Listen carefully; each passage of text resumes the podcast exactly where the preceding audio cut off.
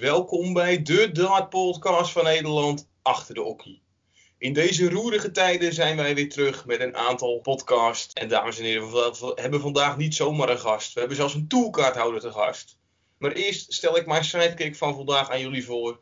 Hij is terug uit Amerika, eerder dan verwacht. Dames en heren, Pim Huberts. Ja, dankjewel Mike. Bedankt voor het uitnodigen natuurlijk. Ja, geen probleem. Je zat natuurlijk in Amerika. Ben je ook vanwege de corona terug moeten vliegen? Ja, de school waar ik uh, voor een jaartje ging studeren, die was um, gesloten. Dus ja, weinig reden meer voor mij om te blijven. Maar dus gelukkig nog net een uh, ticket naar uh, Nederland terug kunnen boeken. Dus dat is mooi. In ieder geval, het is lekker weertje hier. Daar gaat het om. Ja, dat scheelt. Ja, en we hebben vandaag natuurlijk niemand minder dan toolkaarthouder Mike van Duivenbode. Mike, welkom. Hi jongens, goedenavond. hey Mike, hoe kom jij deze dartloze tijden een beetje door? Um, ja, ik denk net als iedereen dat het uh, best wel even aanpassen is. Um, ik, uh, ik kan gelukkig nog een beetje werken door de week. Ik werk uh, twee, drie dagen in de week parttime. Dus daar ben ik wel blij mee. En ja, toch ook wel een beetje trainen, dat een beetje bijhouden toch wel ja. Ja, want Hoe, hoe, hoe doe jij dat dan? Ja, sorry dat ik even onderbreek uh, voor jou, Mike. Want al die, die competitieavonden, waar je normaal misschien iedere dinsdagavond, iedere vrijdagavond, ieder weekend een toernooitje opzoekt, die zijn natuurlijk nu vervallen. Dus is het darten ook echt minder geworden bij jou dan? Ja, 100%. Zeker uh, nu natuurlijk sinds ik uh, ja, mijn toolkit heb, eh, ben ik heel erg veel in Engeland aan het spelen. En vanaf uh, de Dutch Open dit jaar, dat viel volgens mij uh, eh, 31 januari, ben ik eigenlijk uh, nog geen weekend thuis geweest. En achter elkaar was ik ja, eigenlijk aan het darten voor de, voor de PDC. En eigenlijk had ik nog drie weekenden gemoeten. Maar ja, toen kwam natuurlijk de crisis. En ja, sindsdien zit ik thuis, net als iedereen eigenlijk. dus ja, ik merk het wel zeker, want ik ben best wel vaak weg. Ja. Mhm. Ja, je hebt het over je eerste reizen van het jaar. Ja, die heb je niet, eh, zeker het eerste weekend, heb je zeker niet slecht, uh, slecht even mogen ervaren. De eerste dag haal je de laatste 62 en gooi je de eerste 39 van het jaar. Ja, ja de laatste 32. Uh, volgens mij was het, uh, ja, laatste 32 inderdaad, klopt. Ja, het, eerste weekend was fantastisch. Maar mijn vader was met, uh, die was met mij mee, dus we waren met z'n tweetjes. En uh, ja, toen hoorde ik inderdaad in mijn eerste wedstrijd van het seizoen uh, tegen Chris Doby een, een 39. En uiteindelijk won ik de partij ook nog 6-5. En dat is uiteindelijk het belangrijkste. Dus ja, dat, dat was natuurlijk super. En de laatste 32 gehaald. de dag daarna won ik ook nog een potje. Dus nee, ik ging echt ja, met een heerlijk gevoel weer terug naar huis toen, ja. Ja. Nou weet ik uh, dat jouw tweede wedstrijd uh, van de tweede dag op stream was. Dan was je eigenlijk ook niet geheel kansloos. Nou strafte White wel echt alles af. Maar ja. ik denk dat je je dubbeltjes wel had gegooid. Dan had het misschien de wedstrijd een hele andere kant op kunnen draaien. Ja, 100%. Ja, als ik het me goed kan herinneren, uh, verloor ik 6-1 tegen Ian White. En ik dacht dat hij 6 uit 7 op zijn dubbels was. Dus hij ja. was wel echt, echt onwijs sterk. En ik, ik denk dat ik uh, twee legs, één pijl heb gemist. Ja, één pijltje, ja, de, dat, dat, dat, dat, dat, zegt al genoeg over het niveau uh, wat hij tegen mij stond te gooien. Ik, ik, ik moest eigenlijk gewoon 12 30 gooien om, om hem te breken.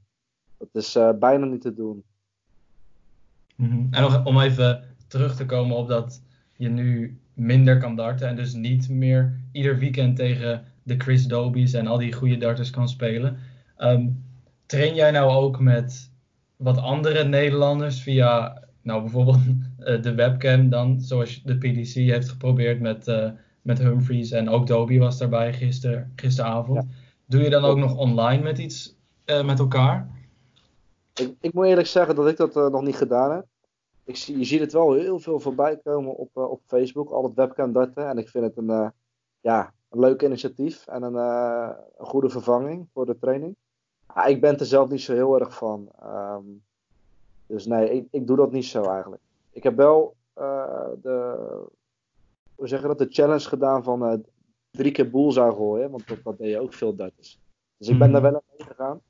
Alleen wilde ik dat wel op live Facebook doen. Dus niet het opnemen en dan zolang als het duurt. Maar ik wil het echt live doen. En dat was voor mij wel een uitdaging, want je weet toch dat mensen meekijken. En eh, dat is op mijn manier dan wel trainen, zeg maar. Dat vind ik dan wel leuk om te doen. Ja, want laatst op Facebook had je er twee uur over had gedaan. Ja, de eerste keer was echt een afgang.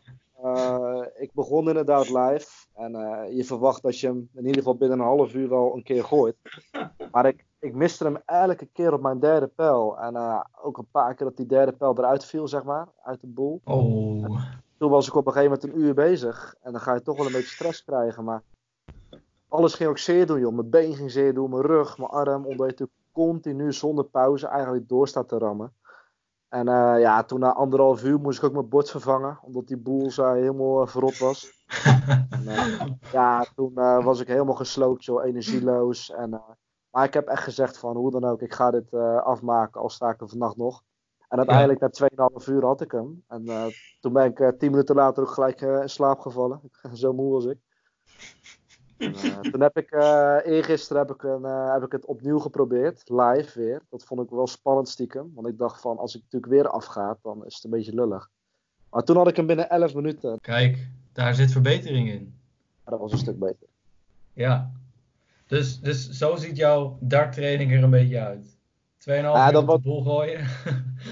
nou ja, dat, dat was zeg maar die challenge die ik leuk vond. Ik heb ja, ook een keer uh, een uurtje gewoon live gestreamd. Uh, en dan gewoon lekker op de triple 20 staan, uh, staan gooien. Omdat ik vind, als je het live doet, dan staat er nog een soort van een klein beetje druk op. Omdat je weet dat mensen kijken. En dan, dan vind ik het. ja, dan, dan, kan ik beter trainen dan dat ik zeg maar in mijn eentje sta te gooien zonder, ja, zonder enige spanning. Dus dat, ja. dat vind ik leuk om af toe te doen. Een andere vraag. Heb je dan heb je toevallig in je thuisomgeving ook iemand die je in ieder geval een beetje kan uitdagen met darten? Of... Uh, nee, er is helemaal niemand helaas in mijn uh, thuisomgeving die, uh, die dart. Oké. Okay. in het verleden wel eens met mijn vader gespeeld. Die kan, die kan wel een redelijk pijltje gooien, zeg maar. Maar dat is ook al... nee, dat, dat doen we eigenlijk ook al lang niet meer. Jij zal inmiddels wel wat beter kunnen gooien, ja. ik wel, ja. ja, goed. We hadden het net natuurlijk ook wel over je eerste twee uh, Play Championship weekenden. Maar wat vooral opvalt daarna, is dat je de goede lijn niet doorzet. Heb je daar een beetje een verklaring voor?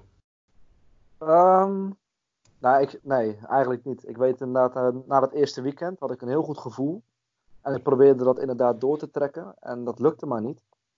En ik heb er niet echt een verklaring voor eigenlijk. Dat, dat ene weekend had ik gewoon een bepaald gevoel dat het gewoon uh, goed zat. En ik voelde me ja, gewoon heel sterk. En die weekenden daarnaast wat een beetje weggezakt. En nou, dat maakt je natuurlijk wel een beetje onzeker. Ook omdat ik vorig jaar natuurlijk ook uh, heel lang uh, erover heb gedaan om een beetje wat wedstrijdjes te gaan winnen.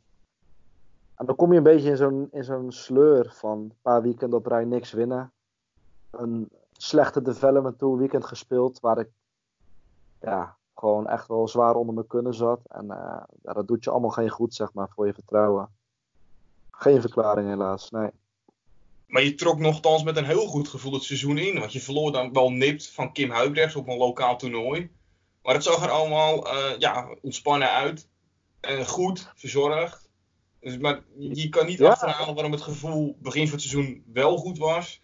En hoe verder we komen, hoe, hoe minder het eigenlijk werd in deze korte periode. Ah ja, kijk, we, uh, wat het zeg maar is. Um, Kijk, ik heb zeg maar in die weekenden daarna, heb ik volgens mij geen partij meer gewonnen op de Tour. En um, dan moet ik je zeggen dat een aantal van die wedstrijden dat ik wel erg sterk stond te spelen. Of heel goed begon en een beetje uh, inkakte. Mm-hmm. Soms is je gevoel goed. En je staat ook goed te spelen, maar je verliest gewoon. Omdat het gewoon het hoogste niveau is dat, dat er bestaat, zeg maar. En uh, ja, als je dan continu je goede wedstrijden verliest nou ja, je slechte wedstrijden verlies je dan sowieso al. Ja, dan, dat, dat, dat, dat zet je toch een beetje aan twijfelen. En uh, dat legt ook wel steeds meer druk op. Om toch maar weer elk weekend presteren, zeg maar. En... Ik, denk, ik denk dat een voorbeeld van wat jij zegt over goede wedstrijden verliezen, is die tegen de Duitse nieuwe tourkaarthouder Steffen Zietman, waar je dan net ja. 6-5 van verliest. Daar zou je waarschijnlijk nu nog steeds flink van balen. Nou ja, niet alleen omdat ik 6-5 verloor, maar omdat ik 5-2 voor stond. Mm -hmm. Als ik uh, goed uh, begrepen heb, stond ik uh, op dat moment iets van 104 gemiddeld te gooien. En ik, ik, ik, ik mis die lek nog een 14 darter en een 15 darter. Nou, dan win je die partij met 105 gemiddeld. En vervolgens krijg ik 11 westerpijlen. En dan gaat er geen één in. En je gaat 6-5 zitten. En ja, dan weet je gewoon dat je, je misschien wel je beste wedstrijd ooit op de Tour gewoon helemaal zelf hebt weggegeven. En zeker omdat ik al een beetje in die negatieve sleur zat, had ik die partij echt even nodig. Omdat ik ook zo goed stond te spelen en dat je het dan zo weggeeft. Ja, dat is pijnlijk. Maar ja, je moet toch verder. Dus je, je slikt het en uh, je gaat weer door. Is dan meteen jou, jouw zondag ook verpest? Dat je denkt van, dit was nou, die de kans, maar dit was wel een beetje de kans om je een beetje uit het slot te trekken. Nou, je voelt je natuurlijk wel verrot. Even uh, gewoon een vervelend gevoel. Het is ook rot dat je dan zeg maar om 1 uur s middags eigenlijk alweer op je hotelkamer bent. En je moet toch maar weer heel die dag doorkomen en jezelf opladen om, om de volgende dag toch weer hè, opnieuw te staan. En dat is wel even pittig, ja. Maar goed, je wilt er ook niet de hele dag in blijven hangen. Dus uiteindelijk zet ik me er wel overheen. Heb ik lekker Netflixje aangezet. Heb ik de hele dag gekeken op mijn, op mijn tablet. En zo kom ik de dag dan wel door uiteindelijk. En trek je er nog veel met andere toolcardhouders op die er vroeg uitleggen? Of is het meteen ieder voor zich? Je bedoelt na het toernooi, als ik er zelf uitleg? Of... Ja, als je er zelf uitlegt of s'avonds. Je ziet wel eens groepjes. Ja, vaak als ik verloren heb, ga ik toch wel vaak wel terug naar de hotelkamer. Omdat ik het dan toch even voor mezelf moet verwerken. En niet zoveel zin heb om uh, ja, andere spelers uh, om me heen te hebben. Uh, omdat ja, dat, dat, moet je gewoon even, even verwerken, zoiets. En dan, soms ga ik s'avonds wel eens even een, een hapje eten met een aantal spelers. wat ik zelf wel heel gezellig vind altijd. Eventjes. Dan ben je er toch eventjes uit. En wat, wat, ja, zijn, de naam, wat zijn de namen dan? Uh, wat voor spelers ga je het meeste mee om? Um, ik, ga, ik trek wel veel op met uh, Danny Noppet. Uh, we zitten ook bij hetzelfde management, dus we vliegen ook vaak samen met z'n tweeën. Um, ik trek ook wel veel op met Jan Dekker, Geert Neentjes, Niels Zonneveld. ja, een beetje dat soort, dat soort namen. Ja, dat, okay. Daar ben ik ook vaak aan het ingooien s ochtends. Dat is altijd wel, wel gezellig. Nou weet ik natuurlijk, nou hebben we het jeugd-WK opgenomen met, uh, de, nou ja, ik wil niet de bende van ellende zeggen uit Rotterdam, maar uh, daar kwam het op, later het werd wel op neer. Ehm, mis je die dan niet? De Van Trijpies, de Van de Bogaerts? Want daar kun je natuurlijk ook enorm goed mee vinden. Nee, ik ben blij als ik eigenlijk een keer van ze af ben. nee, nee hoor.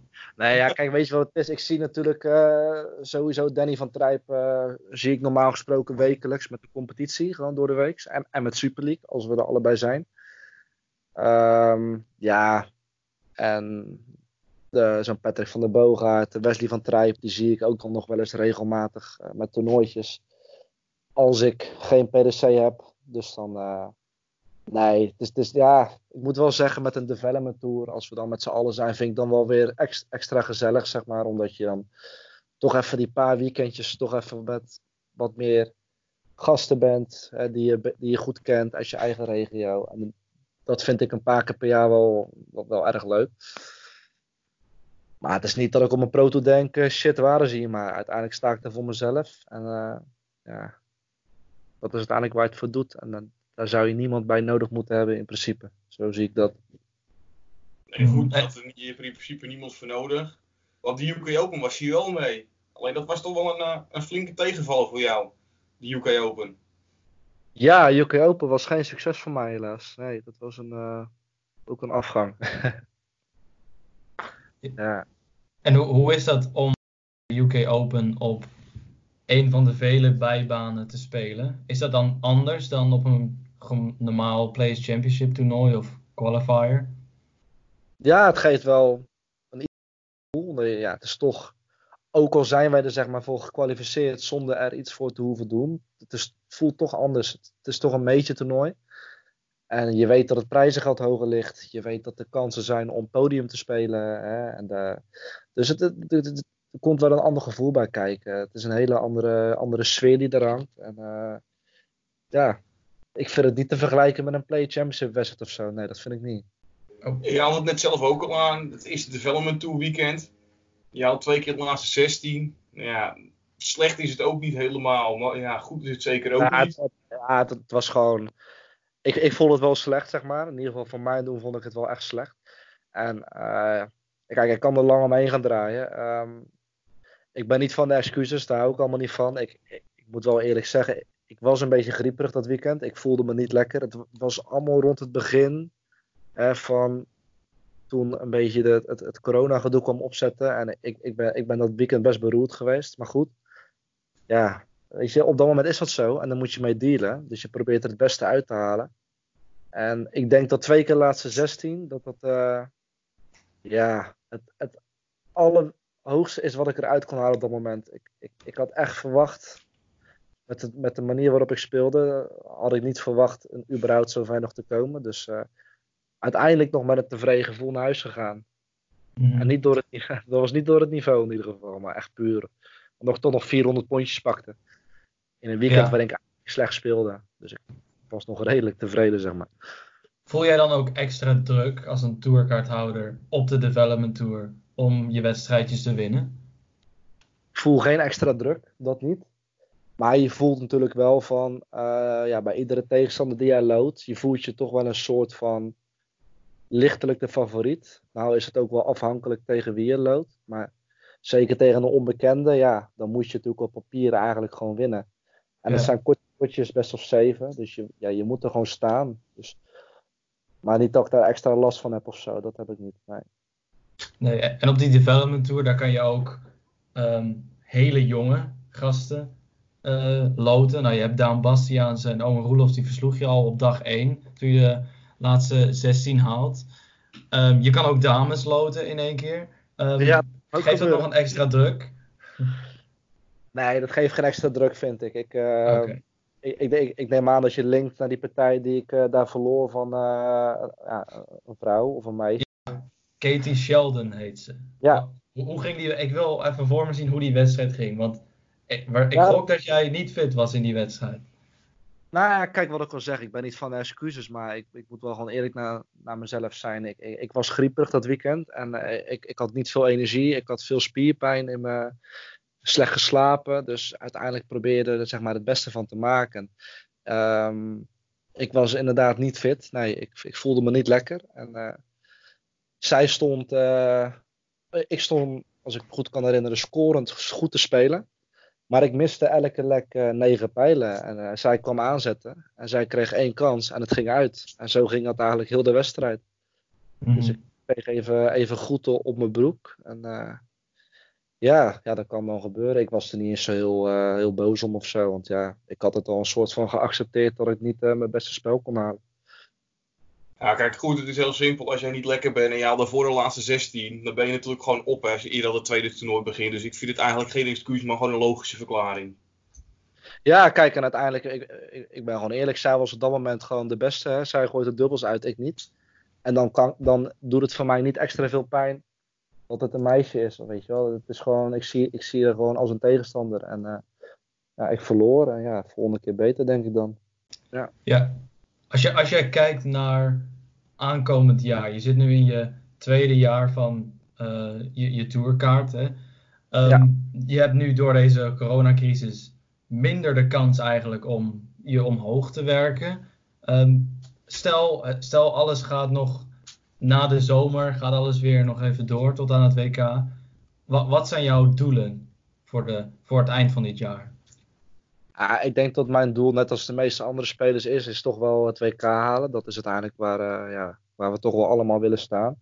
En een, een doel wat daarbij komt, is natuurlijk uiteindelijk je tour houden. Maar je moet ook realistisch zijn. En als ik uh, gewoon naar mezelf kijk, uh, afgelopen jaar en dit jaar, is het niet een hele, hele realistische gedachte dat ik mijn tourkaart ga houden dit jaar. In ieder geval niet via de, de ranking, zeg maar. Dus um, ja, mijn doel is gewoon om elk dat weekend dat, dat er nog komen gaat, uh, gewoon elk weekend mijn best te doen. En het beste uit elk weekend te halen. En dan hopen dat er een aantal mooie resultaten tussen, tussen zit. En het, het WK halen moet een, een doel zijn dat te doen is. Maar dan moet ik toch wel flink wat uh, wedstrijdjes gaan winnen de komende tijd. Als het allemaal weer uh, doorgaat, zeg maar. Ja, kijk, die wil dus natuurlijk WK halen. Dat link je eigenlijk heel snel aan de top 64 op de Pro Tour Order of Merit. Houdt automatisch Play Championship Finals in. Ja. Het zal ook een mooi, uh, mooi toernooi zijn. Je hebt nog twee qualifiers voor uh, majors. Als je een keer een goede dag hebt. Nee, je zag het zelf aan Niels Zonneveld vorig jaar. Die was er bijna. Mhm. Ja, zeker. Nou, stel je hebt gewoon een goed uh, development tour de rest van de andere toernooien. Dan kan je je daar ook nog voor kwalificeren voor het WK. Dan moet je natuurlijk wel wat geluk hebben, maar... Ja, kijk, weet je wat het is? Er zijn nog vier development tour weekenden. Al, ja, even vanuitgaande dat alle weekenden doorgaan als, als deze crisis over is. Dan, dan zouden we er nog vier hebben. Dat zijn gewoon nog 16 toernooien. En uh, ja, weet je, uh, je hoeft er maar één of twee te winnen en je staat zo in die top, top 5. En dan zijn er gewoon dingen mogelijk. En uh, dat is ook gewoon waar ik mij erg op ga focussen dit jaar. Ik ga de development tour niet zien als een, als een lachetje of als een trainingsweekendje. Ik ga het wel echt heel serieus zeg maar, aanpakken. Wat ik wel mhm. altijd gedaan heb, alleen nu toch wel even extra serieus. Omdat er grote kansen liggen om, om ook weer mijn toolkaart natuurlijk te verlengen. En het WK te halen. Dus ja, dat is wel heel belangrijk uh, dit jaar, vind ik. Ja, zou jij op dit moment kunnen zeggen dat de Development Tour belangrijker is dan de Players Championship toernooien? Omdat de kans groter is op de Development Tour dat jij een WK-plaats haalt of een tourkaart haalt dan op de normale ranking? Of is, is dat een te groot gezegde? Nou ja, ik denk dat je ergens wel. Uh, dat je zeker wel een punt hebt. Omdat uh, als je natuurlijk naar de development toe kijkt, dan heb je relatief meer kans om te winnen. Ik bedoel, ja, ik heb twee development tours gewonnen in het verleden. En Pro Tour ben ik nog nooit verder gekomen dan de, dan de derde ronde. Dus dat is zeker wel een, ja, een grotere kans om het vierde development tour te halen. Ja. Dus uh, ik denk dat de Pro Tour heel belangrijk is, sowieso. Maar de Development Tour is dit jaar toch wel voor mij een grotere kans om het te halen dan de Pro Tour, denk ik. Ja. Jij, haalt, jij behoudt jouw tourkaart niet.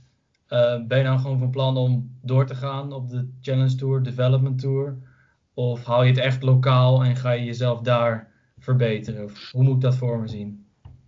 Ik denk sowieso als ik mijn tourkaart verlies en ik win het niet terug, dan ga ik sowieso wel uh, Development Tour en Challenge Tour spelen. Dat zullen mhm. dan uh, waarschijnlijk tien weekenden zijn op, een, uh, op jaarbasis. Dus dat is niet heel, heel schokkend veel.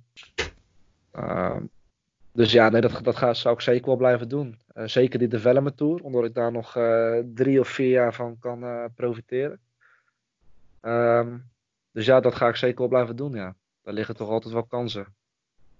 Ja, precies. En je hebt je tourkaart nog niet verloren. En wat je al zei, misschien win je hem gewoon weer terug bij Q-School. Dat, dat hebben genoeg spelers gedaan. Um, over jouw sponsor, je wordt volgens mij nu nog steeds gesponsord door Winmau. Um, ja. Weet jij al wat hun gaan doen in een volgend jaar? Stel jij hebt je tourkaart niet meer, of stel je, hebt, je behoudt hem wel gewoon? Ja, ik heb gewoon een contract met Winmau, dus voorlopig loopt dat nog. Ik uh, weet het even niet uit mijn hoofd, maar volgens mij zit ik nog wel in ieder geval op papier een jaar of twee, drie bij Wimma. En, uh, dus dat is allemaal ongeacht of ik wel of geen toekat hou. Uh, dat is geen, uh, daar gaat geen verandering in komen, zeg maar. Ja. Nee, dat zal ook wel de reden zijn dat jij gewoon zegt van die development tour en die challenge tour, die gaan we sowieso doen. Ja, kijk, weet je, ik, ik speel de development tour nou volgens mij voor mijn vierde seizoen nu al. En um, ja, kijk, ik geef maar als voorbeeld een Rob Cross, die via de Challenge Tour uh, zijn tourkaart haalt en dat jaar wereldkampioen werd, zeg maar. Het is natuurlijk wel een overdreven voorbeeld, maar mhm. zo'n Challenge Tour Development Tour, dat, dat kan zomaar eens je, je opstapje zijn naar, naar hoger. Hè. Nou heb ik dat via de Q-School gedaan, maar misschien kan zomaar eens de Development Tour dit jaar of volgend jaar mij wel dat stapje uh, omhoog uh, zetten. en aangezien Development Tour maar tot, tot tot en met 23 jaar is en ik nu nog drie jaar heb hierna, ja, moet ik daar gewoon drie jaar van profiteren. Dat is alleen maar extra meegenomen allemaal. het klinkt allemaal erg ideaal dat sponsors achter je staan. Zijn, uh, is Rentalmatch bijvoorbeeld ook uh, een sponsor die met vertrouwen achter je staat? Jazeker. Uh, Rentalmatch is het bedrijf van mijn vader. wat hij samen heeft met een compagnon van hem. Dus ja, mijn vader staat net als alle vier mijn ouders dat is uh, waaronder dus mijn bonusvader en bonusmoeder, zoals ik het zeg maar noem. Die staan alle vier 100% achter mij. En ik word ook door mijn bonusvader een beetje bijgestaan, zeg maar, ehm, ehm, met zijn bedrijf. V&D Neon, die staat ook op mijn, op mijn dat shirt. En zo is het natuurlijk super leuk dat eigenlijk allebei mijn vaders mij ja, kunnen steunen daarin. Financieel en natuurlijk ook op mentaal vlak wel. Stel nou, en ik denk dat wij dat bij darts actueel best wel kunnen doen. Stel, stel nou, uh, een bedrijf luistert op dit moment naar deze podcast en die denkt, hey, die Mike van Duivenbode, die willen wij ook spons uh, sponsoren. Waar, waar kunnen ze dan terecht? Uh, nou, ze mogen mij sowieso gewoon ehm, op, op Facebook benaderen. Gewoon op mijn ja, account, Mike van Duivenbode. Mm -hmm. een berichtje sturen via Messenger. Of nou, ik ben zelfs ook nog op Instagram ben ik ben ik bereikbaar. Ehm, ja, als er, als er iemand is die zoiets hebt van, nou, ik ben wel nieuwsgierig hoe of wat, ja, er, mag altijd iets gevraagd worden of iets. Ik, ben, uh, ik sta voor alles en iedereen open. Dus dat is allemaal, uh, ja. Ik, ik ben best wel, denk, denk ik, makkelijk te bereiken via de Instagram, Facebook, noem het maar op. Ja. Klinkt hartstikke goed. Goed, we hebben in deze corona-tapes ook uh, een, een vaste rubriek en de vaste rubriek is uh, mooie verhalen. En uh, als ik het uh, woord Morona Challenge zeg, wat zeg jou dat, Mike? Morona, ja. Ja, dat ja. is de, de, kennis van het laten staan van je baard tot en met 1 juni. ja. Maar dat ga jij dus doen? Daar ben ik mee bezig, ja. Um, ja. Daar zijn we nu twee weken mee bezig, denk ik bijna. Anderhalve week, twee weken. En het is eigenlijk begonnen als grapje, want uh, we zijn met een paar team, uh, teammaten doen we dat. En uh, er werd eigenlijk gezegd van, zullen we tot en met 1 juni, hè, eigenlijk de, de, de quarantainetijd, zoals we dat zeg maar dan een beetje noemen, gewoon onze baard laten groeien. En toen werd er een beetje gegrapt en gedold. En toen zeiden we eigenlijk van, nou weet je, we gaan het gewoon doen. En ja, zodoende zijn we daar nu mee bezig. Oké, maar de grote vraag is natuurlijk, staat een baard goed? Bij Mike van Duivenbode? Dat, uh, dat laat ik allemaal aan, aan de buiten. nou ja, ik okay. moet je eerlijk zeggen. Uh, ik heb nu eindelijk uh, sinds een jaartje dat het een beetje dichtgroeit bij me. Dus ik, vind het, ik ben wel nieuwsgierig. Ik laat het nooit zo lang staan meestal. Dus ik ben wel nieuwsgierig op zich hoe het er straks uitziet. Maar het gaat de goede kant op volgens mij. Dus, maar twee maanden is nog lang hoor. Dus ik denk dat ik toch wel misschien een beetje spijt ga krijgen een maandje of zo. Dat zie ik zomaar gebeuren. Maar goed. we, gaan het wel, we gaan het wel doen. We gaan het wel volhouden. Maar goed, je zit natuurlijk in een team met kennis. Want bij Winma zit je natuurlijk eh, samen met Simon Whitlock. Heb je hem nog even om advies gebeld? ja, nee. Nee, nee. nee. Ik denk dat ik uh, eh, 100 jaar verder ben voordat ik een baard heb als Simon Whitlock, denk ik. Dat, uh, nee. Nee, we gaan het gewoon lekker laten groeien en we zien wel wat er van komt. Ja. Ja, nou, dus mensen, hou vooral de socials van Mike van Duivenbode in de gaten als jullie deze Morona Challenge uh, willen volgen. Maar jij hebt ook nog een ander talent. Jij kan ook heel goed piano spelen, kom ik achter. Ja, ja, op zich, daar ben ik best wel een beetje mee bezig de laatste, laatste weken. Uh, zeker nu in de laatste, ja, de laatste weken dat, het natuurlijk, dat we niet veel te doen hebben allemaal. We zitten natuurlijk veel thuis. En ik ga je eerlijk zeggen, ik heb ook niet zoveel zin om uren per dag aan het bord te staan. Zeker niet nu we niet weten wanneer we überhaupt weer mogen darten. Dus ik vind het wel heel relaxed en rustgevend om af en toe een beetje ja, liedjes te spelen op de piano, uh, wat dingen te oefenen. En dat gaat volgens mij best wel, uh, wel redelijk de laatste tijd. Dus dat vind ik ook leuk om te doen, ja, zeker. Wij uh, op onze research-redactie hebben, hebben ook een paar filmpjes. En dat klonk serieus goed. Ah, dat is wel leuk om te horen, man. Dankjewel. Goed, dan uh, hebben wij eigenlijk uh, unaniem besloten dat we het nog een klein stukje over de NDB willen hebben. Die uh, na vier van de vijf toernooien, dus het merendeel van de competitie, hebben besloten om de rankingkampioenen en alle andere rankings. Voor iedereen een, een moeilijke keuze. En met elke keuze die je maakt, heb je voorstanders en tegenstanders. Dus daarom is het gewoon een moeilijke keuze. En eh, als je kijkt naar de Super League hè, en naar de, de regionale competitie, is het natuurlijk uh, uh, hoe zeg je dat? Ik vind het best wel begrijpelijk dat ze op zich hebben gezegd van hè, we verklaren het seizoen nietig en we gaan volgend seizoen weer verder. Nou stonden wij met onze competitie en met onze Super League wel allebei op één. Maar goed, dat is dan even niet anders. Als je natuurlijk de spelers die nu op één zijn kampioen maakt, dan krijg je weer geklaag van de teams die tweede en derde en vierde staan. Dus uiteindelijk is het altijd moeilijk. Maar wat het NDB uh, ranking uh, circuit betreft, vind, ik het een uh, belachelijke keuze die ze hebben gemaakt. Want volgens mij zijn zowat alle NDB toernooien gespeeld. De rankingkampioenen die waren al bekendgemaakt. ze hebben het hele jaar gereisd, gespeeld. Noem het allemaal maar op. En dan in één keer wordt er gewoon gezegd, nou, jij bent geen rankingkampioen meer. alles wat je gespeeld hebt telt niet meer ga volgend jaar maar lekker weer een heel jaar opnieuw darten. Ja, ik vind het, ik vind het mhm. belachelijk. Nou, ik denk dat wij de mening met jou delen dan. Dus uh, hierbij het lijstje. De winnaar van de heren A is Luc Peters. De heren B werd gewonnen door Patrick Bus. Arlene de Graaf won de NDW-ranking bij de dames. De junioren kampioen werd Luc van der Kwast. Bij de aspiranten was het Tinus van Tiel. Bij de meisjes Lerena Rietbergen. Specials werd gewonnen door Menno Lammers. En de paradarters werd gewonnen door Michelovic van Velzen. Allen gefeliciteerd natuurlijk. Dan zal het toch wel wat minder voelen. Ja, kijk, weet je wat het is? Ik denk, eh, dat ze, ik, ik, denk dat ze alle op zich natuurlijk gewoon hartstikke trots kunnen zijn. Want uiteindelijk zijn ze gewoon rankingkampioen geworden. En, en, zo mag je dat ook gewoon voelen. Want eigenlijk zijn ze gewoon hè, de kampioenen voor een heel jaar. Maar ja, uh, uiteindelijk hebben ze er zeg maar, qua resultaat niks aan. Want ze komen niet in het Nederlands team. En ze, ze kunnen niet aan de selectiewedstrijden meedoen. En, dat vind ik gewoon heel erg sneu voor de spelers die daar het hele jaar voor hebben gespeeld. En ik vind dat de NDB dit anders had kunnen aanpakken. Um, want ik vind gewoon als je, als je nou twee van de zeven NDB-toernooien maar gespeeld had, dan is het een logische keuze. Maar volgens mij zijn er zes van de zeven gespeeld. En waren er bijna geen veranderingen meer mogelijk. Voor mij waren ze al gekroond tot de kampioenen, tot op dit moment. Ja, dan moet je gewoon, uh, dan moet je dat gewoon lekker zo laten. En, uh, dan is dat heel jammer voor die spelers. Ja, heel erg jammer.